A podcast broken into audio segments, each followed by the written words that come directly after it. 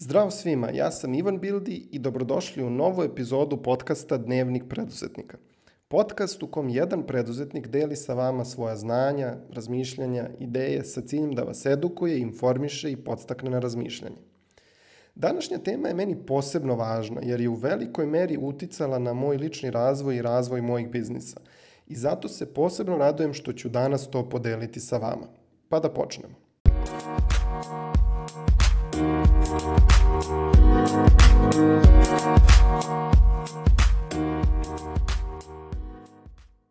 Izbor poslovnog partnera se ne razlikuje mnogo od izbora životnog partnera. Većina misli da je dovoljno da delite iste vrednosti, da je važno da kliknete, da vam je lepo kad ste zajedno i da je pred vama svetla budućnost. Kao što Deboton smatra da izbor životnog partnera treba da bude veština, a ne samo osjećaj, tako i izbor poslovnog partnera treba da bude veština, a ne samo osjećaj i kako se to slažemo. I u prvom i u drugom slučaju niko nas ne uči toj veštini. Roditelji i društvo nas ne uče kako da biramo životnog partnera. Biznis škola nas ne uči kako da biramo ovog poslovnog. Kao neko ko je završio biznis škole i u Srbiji i u inostranstvu, prosto mi je neverovatno da ne postoji ni jedan predmet u kome se ovo pominje. A to je nešto što može ili upropastiti ili vinuti vaš biznis u nebesa.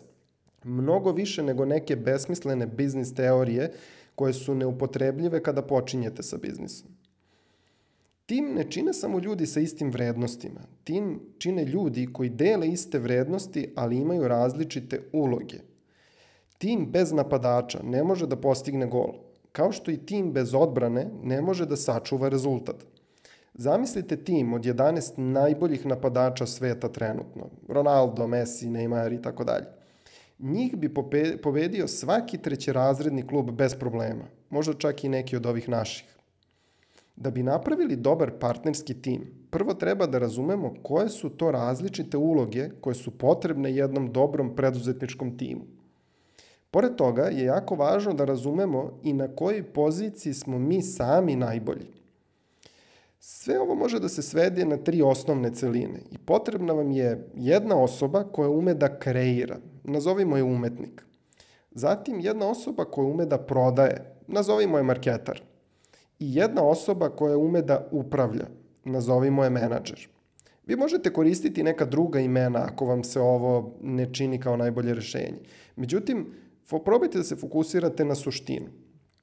Umetnik je osoba koja obožava da kreira proizvode ili usluge. To je osoba koja ceo dan može provesti u radionici ili kancelariji i smišljati način kako da proizvod učini savršenim. To je osoba koja se budi i leže sa mislima vezanim za proizvod i kako se on može učiniti bolji. Kao i umetnik koji pažljivo oslikava svoje remek delo mesecima, tako i preduzetnik umetnik oslikava svoj proizvod. Ovi ljudi su često vizionari, čudaci, mađioničari svog zanata, ali kao i svaki umetnik živi u nekom svom utopijskom svetu i potreban mu je neko da to njegovo delo plasira, ali i neko ko će njegova telje učiniti funkcionalnim mestom za rad. Marketar je osoba koja voli da prodaje, ko je spreman da izađe u svet i ubedi ga da je ovo remek delo koje umetnik napravio baš ono što im je potrebno. Spreman je da pokuca na hiljadu vrata i bude odbijen 999 puta i da nastavi dalje. Voli da komunicira, kreira kampanje, istražuje tržište. Najveća satisfakcija mu je broj prodatih komada, proizvoda ili usluge.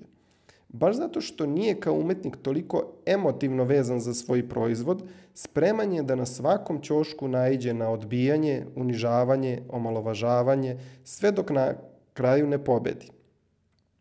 Menadžer je osoba koja voli da upravlja ljudima, procesima, vremenom. To je osoba koja ima Excel tabelu za svaki segment svog poslovnog i privatnog života. To je osoba koju satisfakciju pronalazi u kreiranju sistema koji radi savršeno bez uticaja nepouzdanih faktora kao što su recimo ljudi i njihova subjektivnost. To je osoba koja usred noći zna gde se šta nalazi i u kojoj fazi. Bilo da je to proizvodnja, prodaja, zaposleni ili bilo koji drugi šraf u mašini zvanoj biznis. Sve ove tri uloge su podjednako važne i bez svake od njih biznis ne može da opstane i bude uspešan. Ako vam se neka od ovih e, uloga iznad činila važnijom, to je samo zato što imate preferenciju ka toj ulozi. Biznis je kao tronožac, a ovo su tri noge. Izbacite bilo koju od njih i moći ćete samo kratko vreme da balansirate pre teškog pada. Sad je trenutak da se zapitate kojem od ova tri vi pripadate. Naravno, svako od nas u sebi ima obrise svaka od ova tri, ali probajte objektivno da izmerite gde se najviše prepoznajete ili makar gde bi voleli sebe da vidite. Nemojte žuriti. Ako vam na prvo slušanje nije očigledno koja uloga vam najbolje leži, vratite se i oslušajte opet. Pazite da ne upadnete u zamku toga čime ste se bavili do sada, možda i prisilno, pa da vam deluje da ste u tome dobri. Moguće je da samo niste imali prilike u životu da se bavite onim što vam najbolje leži. Možda je najbolja vežba da se vratite u detinstvo i razmislite kako ste to voleli da se igrate i u kojim igrama ste bili dobri. Da li ste bili dobri u igrama gde se pravi nešto od nule, bez uputstva? Da li ste bili dobri u građenju mreže drugara? Da li ste vi bili onaj koji je uvek vodio društvo? Ili ste možda bili ona osoba koja je uvek bila organizovana, koji se nije desilo da nešto zaboravi na odlasku na ekskurziju, čiji orman i kofer je uvek bio uredan sa jasnim pregradama gde šta ide. Pustite mozak da luta i siguran sam da ćete posle dovoljno vremena prepoznati sebe u nekoj od ovih uloga. Zatim je potrebno da pronađete partnere koji popunjavaju druge dve kategorije. Kao što se najčešće dešava, imate prostora za samo jednog partnera. Imajte na umu da vam ova treća uloga bude ključni zaposleni kojeg čak i vremeno možda možete dovesti na status partnera u firmi. Prirodna pojava je da se ljudi okružuju osobama sličnim sebi – U ostalom, sa tom osobom imate najviše dodirnih tačaka, tu osobu najviše razumete, ta osoba vam najviše prija. Međutim, kada je u pitanju gradnja tima, to može biti pogubno. Dva umetnika će napraviti proizvod za koji niko nikad neće čuti i rad u njihovoj firmi će biti organizacioni haos. Dva prodavca će uspeti kratkoročno da prodaju osrednji proizvod, ali dugoročni uspeh je gotovo nemoguć. Dva menadžera će kreirati procese i procedure za firmu bez proizvoda i bez publike. Sve će biti pod konac, ali bez igde ikoga.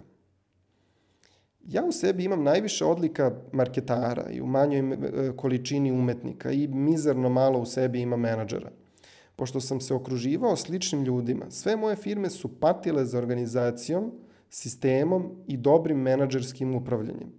Uvek su moje firme bile lepo mesto za rad, ali to je bio brod sa gomilom rupa kroz koje je voda ulazila.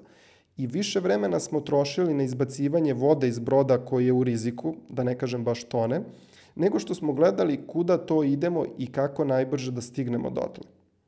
Zapošljavanje ključnih zaposlenih sa ulogom menadžera je nešto što je najviše pomoglo da se moje firme razviju i da konačno možemo da se posvetimo rastu, a ne krpljenju rupa. Izbor partnera i ključnih zaposlenih je veština koja uz onaj osjećaj u stomaku vezano za neku osobu treba da daju najbolji mogući rezultat. Iskreno, volio bih da mi je neko ranije naučio o ovome. Uštedeo bi mi dosta vremena, novaca i izgubljenih prilika.